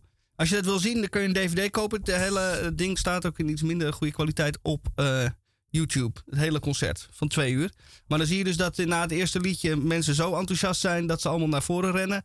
En eh, met bloemen naar de gaan gooien en zo. Oh. Oh ja, ja, ja. En dat is natuurlijk niet de bedoeling. Je moet zitten. Ja, maar waarom laat je ze zitten met zo'n concert? Dat ja, maar kan toch niet? Nee, maar dat was helemaal geen idee van. Ik, uit die tijd ben ik ook bij concerten geweest. En als je die, in, in- die, werden ook in het concertgebouw gehouden, popconcerten. Wat? Ja, popconcerten, echte popconcerten. En dan mocht je ook roken en zo, dat deden we dan ook allemaal. Oh, cool. Heb jij gerookt in het concertgebouw? Jazeker. ja, dat zijn hele kleine asbakjes in de, in de, in de, in de stoel voor je. Nee. En die zaten allemaal, die zaten allemaal propvol. En de hele concertgebouw stonk naar rook. Die moesten ze nog wekenlang luchten om die, eh om die harslucht eruit te krijgen. Maar er zijn popconcerten te over geweest. Tientallen. En het was wel een hele mooie zaal voor popconcerten. Alleen, ja, je kon niet gaan staan. En mensen gingen toen in de gangpaden staan en die dromden naar voren. En ehm, dan zag je de helft natuurlijk niet meer. Maar ja, het concertgebouw heeft wel een hoog podium. Dus dat ging nog wel. Maar ja, als de rij voor je gaat staan, dan moet jij ook staan. En de ruimte om te staan is heel beperkt in het concertgebouw. Maar die stoelen staan waarom- heel dicht op elkaar. Maar waarom het concertgebouw? Ik snap het niet. Goeie... Ja, het was gewoon een zaal en er waren niet zoveel zalen. Daarnaast was er natuurlijk nog de oude rij. En dat is een galmbak. Oh, Eh, dat was ja. er toen, die is afgebroken. Ik heb Eh, al wat, heel lang eh, geleden. En van er was die- niet zoveel hoor. Van die beelden gevonden. Het- Er was echt niet zoveel. Maar we zijn een radio. Dat kan We je zijn niet een laten, radio. laten Ja. zien. Nee, ik kan het alleen Lekker laten horen. Je kan het alleen aan ons laten zien. Ja. Goh, ja. dat, moet, dat moet wel heel opwindend zijn geweest. Kijk maar, de, kijk maar de, de mensen komen dus inderdaad allemaal naar voren. Beginnen met bloemen te smijten. En zij was echt een sensatie. En terecht dat iedereen daar Oh, het zijn wel hele leuke bloedenthousiast beelden. over was. Het zijn wel hele leuke beelden. Ja, het zijn Zeker. inderdaad hele aanstekelijke beelden. Ik, eh, Op YouTube te vinden. Nou ja, daar eh, zie ik nu dat Oh. het hele concert is eraf gehaald. En alleen nog eh, eh, fragmenten of zeg maar Oh. liedjes. Maar er is ook een dvd eh, te koop. En hoe heet dat- het? Hoe heet het concert?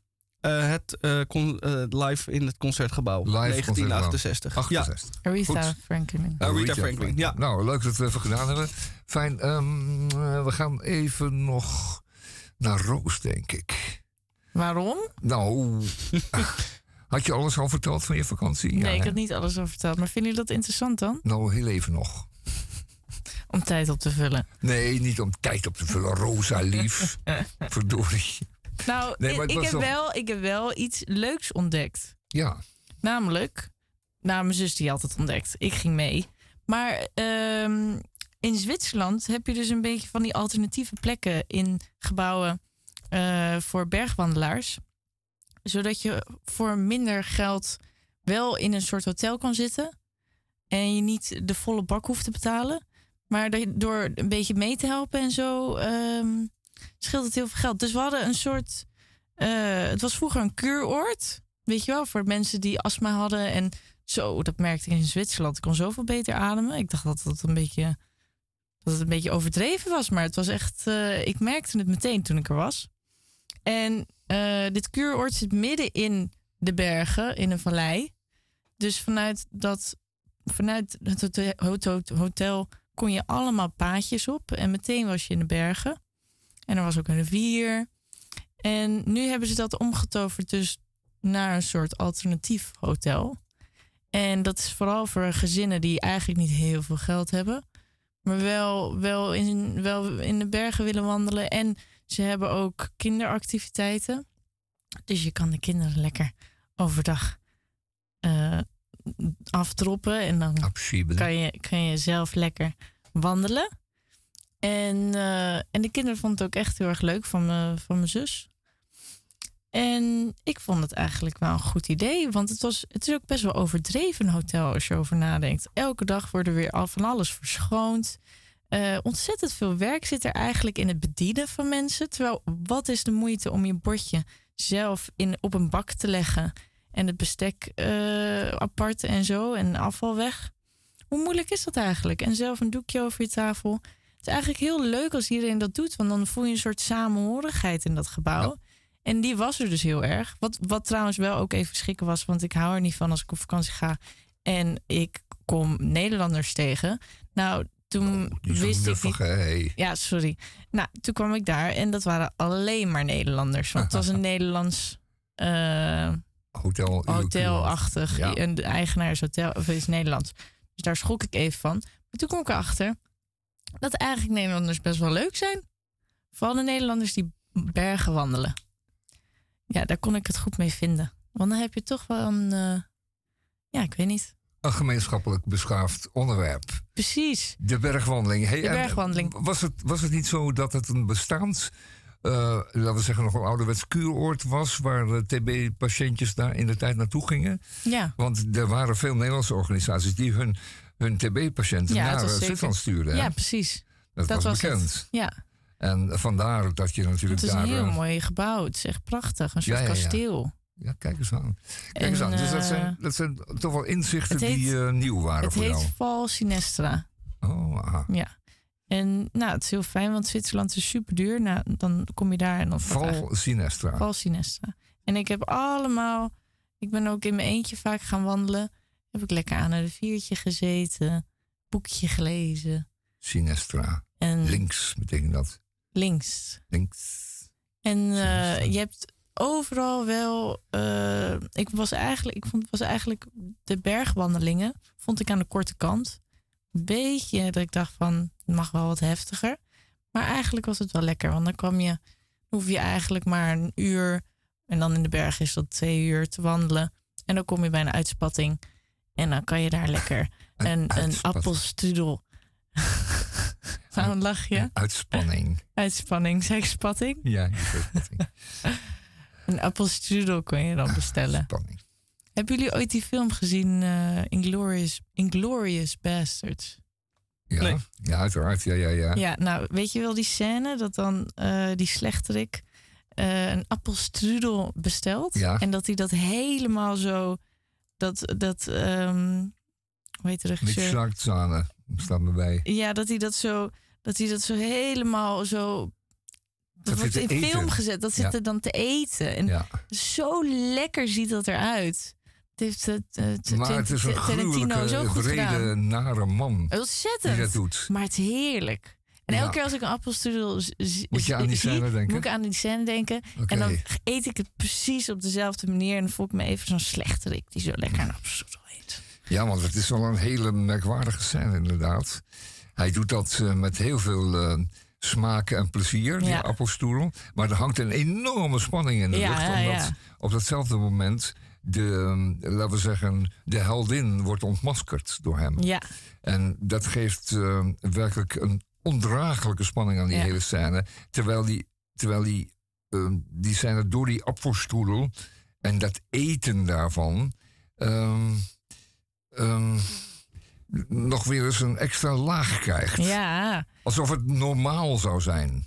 Ja. Ja, het is, welke, het is, het is een mooi, mooi staaltje Ja, filmmanschap. Tarantino die doet dat vaker, hè? Ja, Ook ja, ja, eh, ja, hoe, ja. Die, hoe die eten en drinken zo heel Ja. lekker, bijna onnatuurlijk, een beetje buitenaards Nou, lekker zeker. laat Zeker. lijken. Ik krijg Ja. ook altijd honger als ik die films Ja, kijk. ja, ja, ja, ja, ja, ja, klopt. Ja. Er wordt heel wat Ik krijg gegeten nu in ook een beetje films. Ja, stew bij de, de Glorious Eight. Ja. Ja, ja, ja. En, En eh, een bier, zo, zo ja, bier en hamburgers, ja hoor. nog beter Allemaal. dan een bierreclame. Hij doet het echt nog beter dan een Ja, ja, ja, ja. bierreclame. Ik snap exact wat je bedoelt. Nou, dan is het ook weer de filmrubriek ook weer gehad. Ja, ik heb honger. Nou goed. En je krijgt er trek van. We hebben nog ehm 20 minuten. We gaan eh, op reis, denk ik, even. Eh, eh, 20 straks, minuten, ja. twee Oh, dan uur. kunnen we straks eten. Ja, dan gaan we ook wat hapje eten. En wat erg belangrijk is, we gaan ehm, lezen wat de mensen die er aten ervan vonden. Zeker. En dat is altijd heel erg inzichtelijk. Dan, in veel gevallen hoef je er dan ook niet meer naartoe, dat scheelt. Dan heb je al gegeten en gedronken.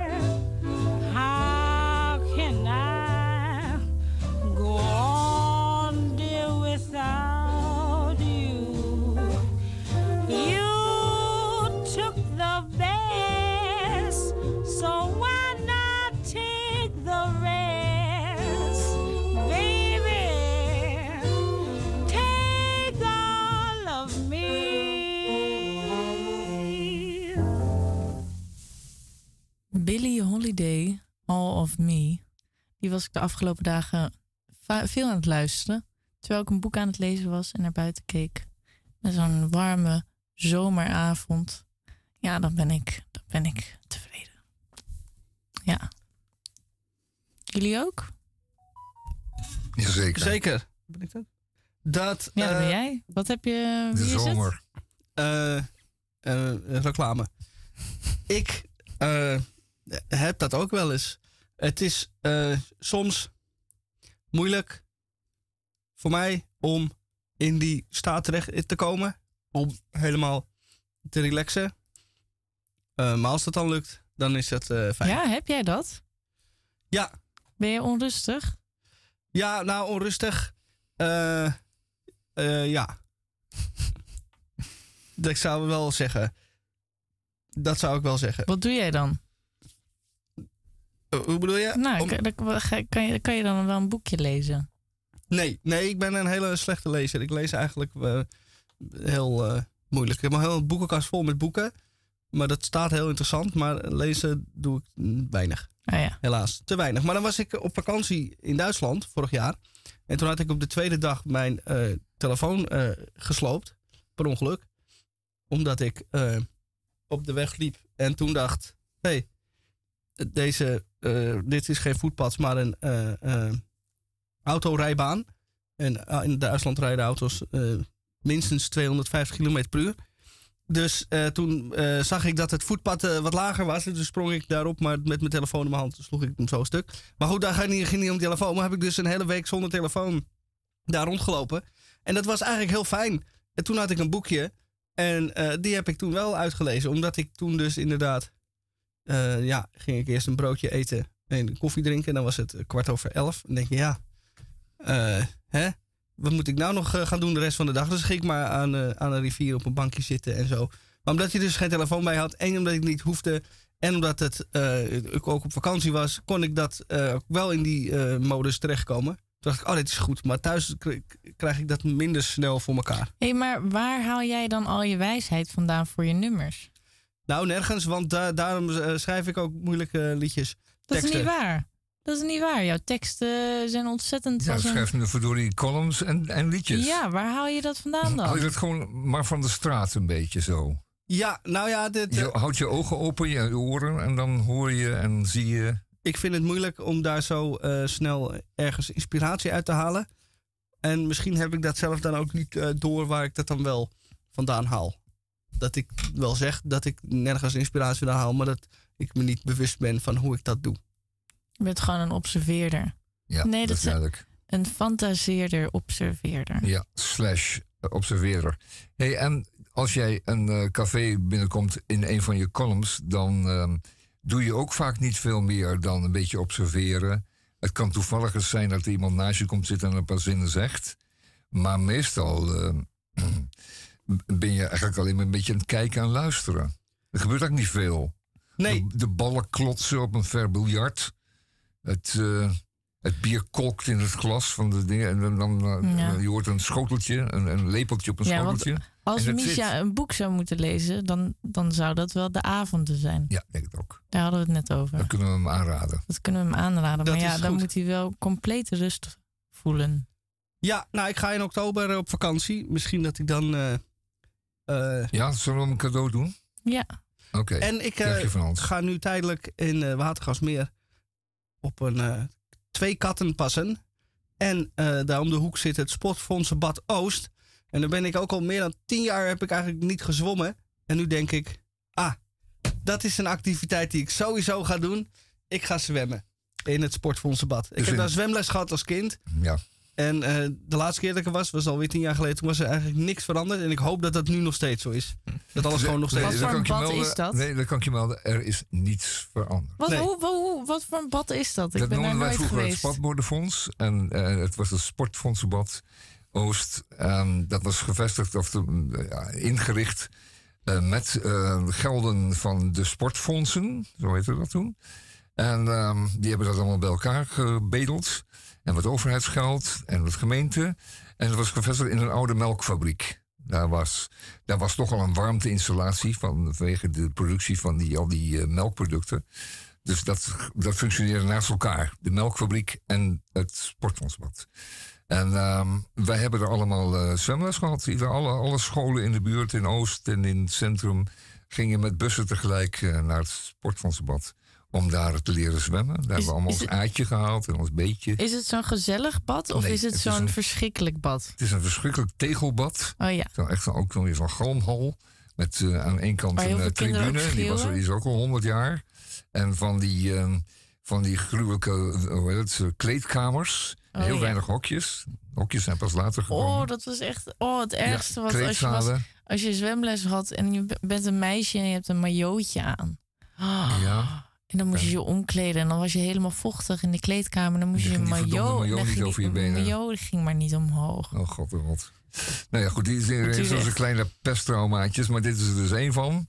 En wij hadden het ook, want het water was toen aanmerkelijk minder opgevuld dan nu. Dat is me wel opgevallen. Het is nu echt graden warmer.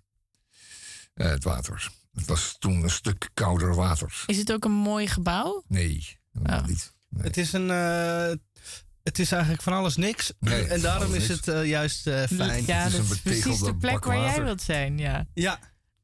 En nog echt altijd hetzelfde. Echt. Oh, maar dat Het is is dan fijn. Ik wil liever dat niks voorbij gaat. Nee.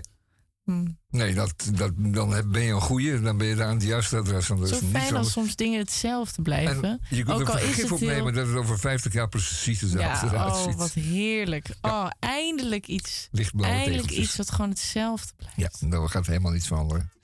Als de bom niet valt, dan is het over 50 jaar nog hetzelfde. Waar gaan we naartoe? Ze legt haar koele handen op mijn voorhoofd En kijkt me even onderzoekend aan Ze helpt me bij het drinken van wat water Ah, zuster, blijf nog even bij me staan Nacht, zuster. Wat moet ik zonder jou beginnen? Nacht, zuster. Ik brand van binnen. Nacht, zuster. Doe iets aan de pijn. Nachtzuster, waar ben ik zonder al je zorgen? Nachtzuster, haal ik de morgen? Nachtzuster, doe iets aan de pijn. Ik lig hier te beven en te zweten. Visie in de koorts en kippenvel. Zuster, zeg me, blijf ik wel in leven? Hou me even vast, dan lukt dat wel.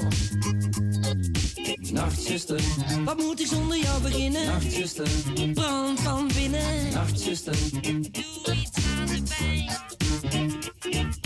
Nachtzuster, wat ben ik zonder al je zorgen? Nachtzuster, haal ik de morgen? Nachtzuster, aan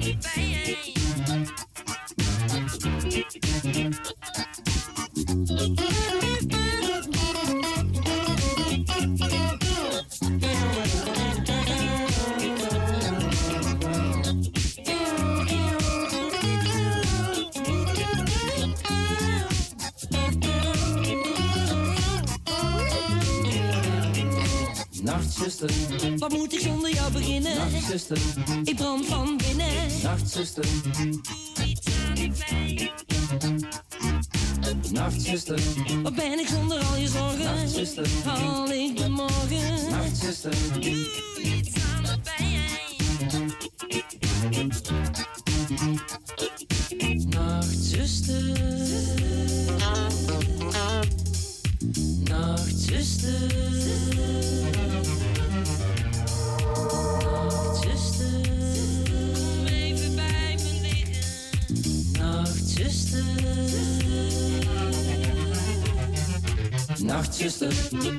zonder jou beginnen? Nachtzuster, ik brand van binnen. Nachtzuster, iets aan de pijn. Nachtzuster, wat ben ik zonder al je zorgen? Nachtzuster, haal ik de morgen? Nachtzuster, doe iets aan de pijn.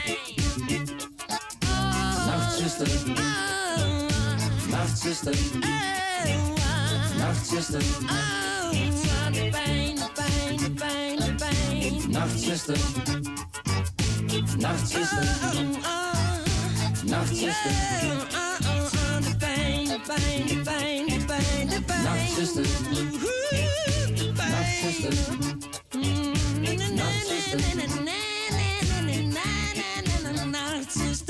nachtzuster. Lekker nummer. Waar was het van? Uh, van Doe maar. Doe maar. Uh, ik vind het wel een goed nummer ik ook. Ik zag onlangs het afscheidsconcert uit 1984. En dan kwamen al die liedjes voorbij. En denk ik, oh ja, dat nummer ken ik. En dat nummer ken ik. Ze waren niet voor niets zo eh, populair. hey, eh, jongens, ehm, als jullie iets bestellen op, eh, via, via het internet, hè, bestel, je dan, bestel je dan meer dan je eigenlijk nodig hebt? Pas je dat aan en stuur je dat terug? Of eh, dus bestel je niet zoveel? Nee, daarom bestel ik niet. Omdat ik weet dat ik dan moet terugsturen. En ik heb geen idee hoe dat... Nou, ik weet wel hoe het moet. Nou ja, maar goed, ik heb maar geen zin om is dat gedoe. terug te sturen. Ja. En eh, jij, uh, Misha? Doe je Eh, dat wel eens? Ik bestel wel eens, maar ik stuur nooit iets terug. Nee. Ik, eh, je hebt het over kleding of gewoon... Ja, kleding, schoenen, weet Wat doe veel, je daar dan mee? Wat doe je er dan mee? Niks, ik koop gewoon altijd precies het juiste. Nee, Ja. Nee, dat ik- kan. nee, nee, nee, ook kijk, ik kan het Dat kan uitleggen. goed. Eh, eh, dingen die ik online bestel, dat zijn eh, t-shirts en truien waarvan ik van winkels waar ik eerder wat gekocht heb, waarvan ik weet dat L of M eh, precies goed past. Maar Nou ja. schoenen en jassen en dat soort dingen, tenzij ze heel goedkoop zijn, maar anders eh, die koop ik dingen die waarvan je van tevoren niet zeker weet of die het wel gaat je passen. en die koop je in de winkel. Die koop ik in de winkel om te Goed kijken zo, hoe het eruit netjes, netjes, netjes van je. Ik lees namelijk in de Nieuwe Amsterdammer een stuk. En het is echt gruwelijk om te lezen. Oh, dat gaat over de manier waarop in de Verenigde Staten eh, wordt besteld en teruggestuurd. Het is namelijk daar voor niets, per definitie. Uh, terugsturen is gratis. En mensen bestellen daar gewoon standaard drie of vier van hetzelfde model. Alleen in verschillende maten. En de rest gaat allemaal terug. En er rijden dus vrachtwagens terug, of, eh, treinen en vliegtuigen vol met, eh, Nee. met return producten. Wat En, oh. ehm, en eh, dan is de vraag, wat gebeurt er met al die producten die, ehm, die getest, Ja, of nee, die, die eventjes aan, aan zijn geweest? Een schoen ja, die aan worden een voet, versnipperd. Een voet aan een schoen, nee, een schoen aan een voet. En een badpak wat even is geshowd voor een spiegel. En wat gebeurt daarmee? Ja, ik heb. eh, Ja, want het is toch duurder om eh, dat weer te laten checken en zo. Dan- Dus dan denken Ja. ze, daarna laten we het lekker versnipperen, Ja, toch? ze zeggen hier, but our approach. En eh, de kwestie is dan, als het, het, het, de, de seal is verbroken, dus de, de verpakking is open geweest, dan gaat zo'n product niet meer terug op de plank. Dan denk je van, dan doe ik toch een nieuw sealtje omheen, een nieuwe verpakking. Dan plak je het er weer dicht en dan zit het op de plank. Nee, dat gaat niet meer terug. En we hebben het over de volgende bedragen. Het is niet te geloven. Het is echt niet te geloven. Ehm even ga ik kijken. vast vrolijk wat er, wat er 's winters het zo rond de kersttijd wordt er enorm veel aangeschaft. Dat is het moment in de Verenigde Staten dat iedereen zich helemaal gek aan het kopen is. En ook dus weer eh, aan het terugsturen is. Ehm, en deze, eh, die, die terugstuurrommel is waard 300 miljard dollar per jaar. Nog een keer. 300 miljard dollar per jaar. Wanneer wordt een keer een goede film gemaakt over al die lelijkheden van de wereld? Ja, En dat we allemaal even keihard de spiegel voor ons 300 neus krijgen en dollar. denken van... Wat zijn we eigenlijk aan het doen? Nou, dit is zo'n voorbeeld. En dan moet je je voorstellen, van die 300 miljard ehm, wordt er nog een heleboel, gaat verdwijnt naar de tweedehandsmarkt, eh, de tweedehands ehm. Ehm, eh, maar ook, er wordt heel veel eh, gewoon vernietigd. Dat komt op de vuilnisbel terecht. Dat gaat met containers vol de vuilnisbel. Allemaal weggegooid materiaal. Ja, wordt allemaal weggegooid. Ja, ja, ja, ja. Want als een, schoen, als een schoenzol dus niet helemaal meer smetteloos is. Stel, je hebt een, een schoen een, een, een rondje om het blok gelopen. Om te kijken hoe die schoen zit. Dan is zo'n schoenzol niet Waarom smetteloos doet de meer. regering hier niks voor? En dat gaat in de vuilnisbak. Echt waar. van. Allemaal in de vuilnisbak. Zullen wij anders met z'n drieën een partij beginnen? Ja, graag. Nu, Ja. bij deze. Ik, eh, 22 ik dacht november daarna- moeten we klaar zijn met het lukken. Ik had al een keer een idee om een partij, de bomenpartij te beginnen. Ja, dit Gewoon, bomen. gewoon meer bomen. Ja. Dat is goed voor het klimaat ook. Ja, bomen. Bomen. Bomen en, en, ja, en geen spullen. Geen spullen, maar bomen. Ja, Partij. bomenpartij. Goed, de slecht, heilige? Franciscus, 12, ongeveer 1200 eh, na Christus, 800 jaar geleden. Die zei: ehm, Ga heen en breng vrede. Dat was zijn motto. Oh, dat vind ik wel een mooi motto. Ja. Ja. Oh, Doe jij dat- dat? Ik Nee, dacht dat dat het was, ga heen en vermenigvuldig u. Nee, nee, nee. nee. Oh. Ga heen en breng vrede. En dat is voor eh, mensen die dus niet meer zo bijbelvast zijn, die dus geen bijbelstudie meer krijgen en zo, is het toch klinkt dat weer als nieuw, als fris. Maar geheen en breng vrede. Dat, laten we dat motto voor vandaag maken. Doen wij deze dat? Vrijdagmiddag? Doen wij dat? Nou ja, we, ja, ik denk het wel. Ik weet ja, het Roos, niet. als we dan zo samen op het muurtje zitten hier en dan brengen wij toch vrede op de wereld. Kom nou. Toe nou. Ook al zijn het er twee, is het ook goed. We gaan nog wel eventjes ehm, op reis nog, of niet? Daar is denk ik geen tijd meer voor. Oeh, We hebben nog eh, eh, één minuut en enkele Oh, seconden. wat heerlijk, want ik vind eigenlijk op reis gaan nooit zo heel leuk. Nou, Sorry dan- dat ik het zeg. Nou, dan wachten we wel weer tot je een keertje absent bent. eh. Oh, Gaan we dat, gaan we dat lekker doen? pijntje. Gaan we lekker weer naar Afrika of Azië. Vieze dingen eten. Nou, Veel Waar waren we plezier. laatst ook alweer? Eh, ja? vorige week waren we ook we- ergens. Nou, Ja, dat we heeft waren in een, Azië, eh, toch? Of niet? Waren we niet in Azië? Nee. Nee, in, ja, in Bangladesh. Ja, ja, Bangladesh. Dat was ja, erg leuk. Ja, was het leuk? Heb- grappig, moet ja. ik FOMO hebben? Of, eh? Je moet permanent FOMO hebben. Ja, permanent. Dus dat moet een Oh, state wat of gek, dat heb ik juist permanent Nou, niet. voor Bangladesh Nee, hoeft het echt nee, niet. Want er zijn weer vreselijke overstromingen geweest en, en dramatische toestanden. Dus nee, Bang- Bangladesh is not a Oh, place wanneer to kom je een keer met goed nieuws? Ja, ik kan het ook niet helpen. Het is Bangladesh. Nou, ik heb eh, goed nieuws. Want over precies 20 seconden draai ik een lied van Elvis. Elvis heeft heel veel films gemaakt met allemaal eh, kutfilms met waardeloze muziek. Maar er hier en daar zit er één best wel leuk liedje tussen.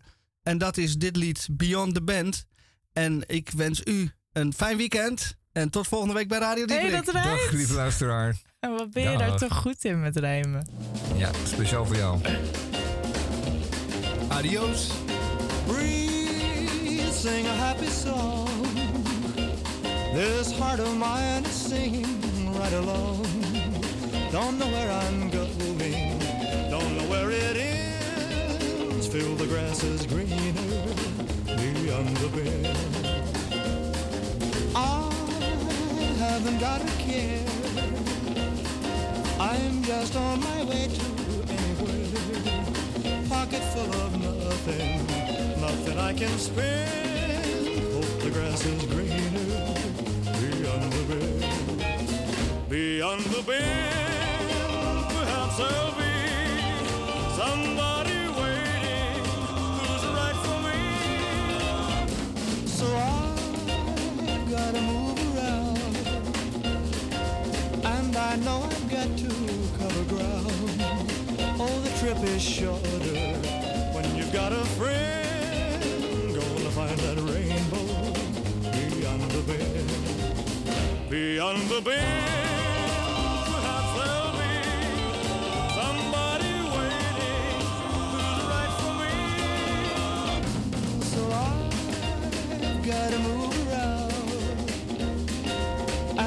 Now I've got to cover ground. Oh, the trip is shorter when you've got a friend. I'm gonna find that rainbow beyond the bend, beyond the bend. Beyond